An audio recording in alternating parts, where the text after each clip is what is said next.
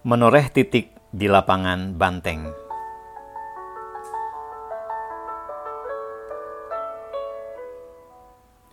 Hari masih pagi. Telepon di rumah dinas Rektor IAIN Ciputat berdering nyaring. Penelepon yang mencari Kures berasal dari Cendana. Perbincangan singkat saja. Saudara bantu saya ya sebagai Menteri Agama. Apa tidak ada yang lain, Pak? Oke, bantu saya saja. Pak Harto, presiden yang baru saja terpilih untuk periode ketujuh, tidak memberi pilihan. Pak Harto memang tidak pernah lama menunjukkan proses penentuan pembantunya. Telepon sehari sesudahnya sudah pelantikan. Kures yang sudah lama mengenal keluarga Cendana tahu bahwa Pak Harto pasti sudah menyelidikinya.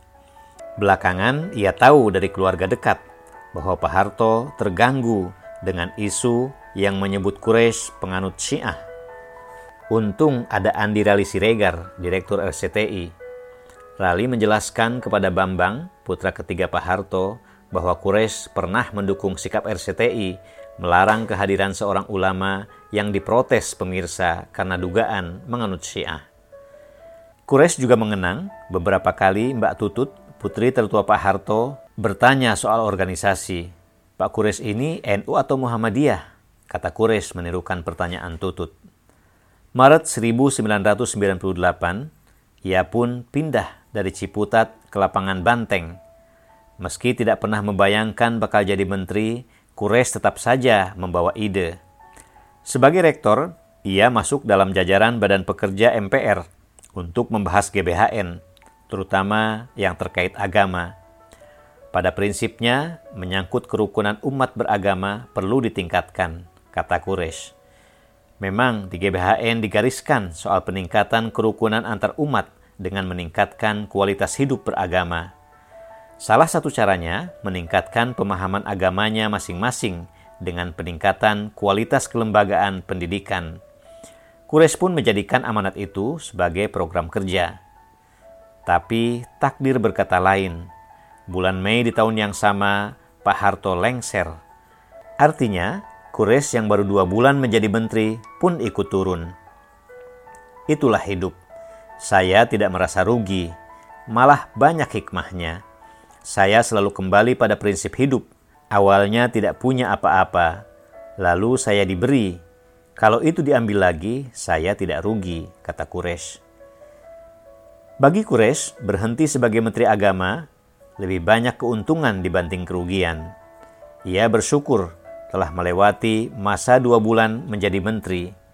Kalau saya lanjutkan lagi, tidak mustahil, saya juga terjerumus, katanya. Keluarga pun tidak protes. Mereka paham, abinya lebih menyukai dunia akademik daripada jagat politik. Anak-anak cuma kesal harus berbenah lagi. Baru saja unpacking, sudah harus pindah lagi. Masih lekat dalam ingatan anak-anak Quraisy bagaimana hebohnya proses pindah Begitu tidak lagi jadi rektor, Kures langsung siap-siap meninggalkan rumah dinas. Ia merasa sudah tidak berhak lagi dengan rumah itu.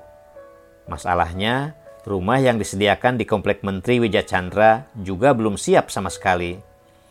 Ada kamar mandi yang toiletnya dilepas, meja kursi juga aut-autan, dan hordeng tidak terpasang. Ya Allah, pokoknya ribet banget. Kita pindah itu rumah belum jadi, kenang Ella. Lagi jalan, kecoaknya keinjek, timpal Nana. Hala pun punya kenangan sendiri. Stres banget kita, sampai mau tidur aja nggak berasa menikmati. Kure sendiri menanggapi santai keluhan anak-anaknya. Ia bersikukuh harus pindah dari rumah dinas. Karena kembali sementara ke rumah pribadi juga tidak mungkin. Rumah di Jeruk Purut Cilandak Timur sedang dikontrakkan saat itu. Tidak hanya soal rumah, tapi anak-anak melihat abi mereka juga kurang bahagia. Tidak sebahagia sewaktu jadi dosen, kata Caca. Abi tetap seperti dulu, bercerita apa saja yang dia alami dan lewati. Di mata anak-anak, Abi jadi sering seperti curhat karena urusan-urusan di luar kapasitas menteri. Ketika 70 hari kemudian, Kekesalan mereka karena harus pindahan lagi tertutupi rasa senang karena Abi lepas dari kungkungan wilayah politik. Dunia Abi bukan dunia politik. He was not born for politik, kata Ella. Di mata keluarga, Quraisy seorang yang selalu berprasangka baik, tidak macam-macam, sehingga tidak cocok dengan ranah politik yang berliku-liku. Bagi Quraisy sendiri, perjalanan dua bulan sebagai Menteri Agama digambarkannya seperti orang yang ingin menulis, tapi baru sempat menorehkan titik. Saya harap Tuhan tidak melihat pada banyaknya goresan pena, tapi melihat motivasinya, kata Quraisy. Tak banyak yang ia lakukan, tapi setidaknya Quraisy menciptakan gaya sendiri. Ia menghapus sistem bel. Di meja menteri ada bel yang fungsinya memanggil staf atau ajudan. Setiap menteri butuh bantuan atau ingin menanyakan sesuatu, cukup menekan bel saja. Quraisy merasa bel itu menghilangkan hubungan normal antar manusia. Ia juga menghilangkan birokrasi berbelit dalam penerimaan tamu. Belakangan ia tahu Amin Rais pernah datang ke kantornya tengah hari tetapi tidak sampai masuk karena staf bilang menteri sedang istirahat. 70 hari menjadi menteri tidak banyak yang ia perbuat. Meski begitu, ia tetap saja merasa beruntung. Banyak yang menyampaikan ketika ia tak dipilih lagi menjadi menteri di era Habibie, maka presiden ketiga itu merasa perlu mengangkatnya jadi duta besar. Quraisy tidak memusingkan motif di belakangnya. Yang jelas, dengan menjadi dubes, ia punya banyak waktu untuk menulis. Dan selesailah tafsir Al-Misbah.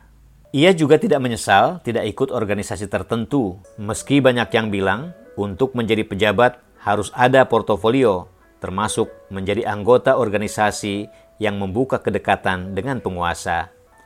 Saya tahu Tanggung jawabnya besar sekali untuk memangku satu jabatan itu, kata Quraisy. Ia teringat sebuah pesan Nabi. Siapa yang menuntut jabatan dan menerimanya, dia akan dibiarkan Tuhan sendirian. Sebaliknya, siapa yang memangku jabatan karena didesak untuk menerimanya, maka Tuhan akan membantunya. Tapi itu kan logika orang tasawuf, tidak pas untuk dunia politik. Makanya saya pasti tertipu kalau di politik, kata Quraisy. Meski tak menjadi pejabat, Quraisy tak sedikit pun merasa rugi telah menuntut ilmu tinggi. Ia ingat kata Abah saat menyuruh sekolah dulu, kalau kamu mau dihormati orang, berilmulah. Jabatan itu penghormatan yang bersifat sementara, kekayaan juga demikian. Dan ia merasakannya di masa tua, di tempat ramai jika bertemu orang, banyak orang yang meminta foto. Di antara mereka, lebih banyak yang mengenalnya dan mengenang sebagai penulis atau pendakwah. Jarang sekali bertemu dan bilang kagum karena pernah jadi menteri. Boleh jadi karena bukunya bertebaran di mana-mana. Boleh jadi karena ia berceramah ke mana-mana. Dan boleh jadi pula karena ia hanya 70 hari menjadi menteri.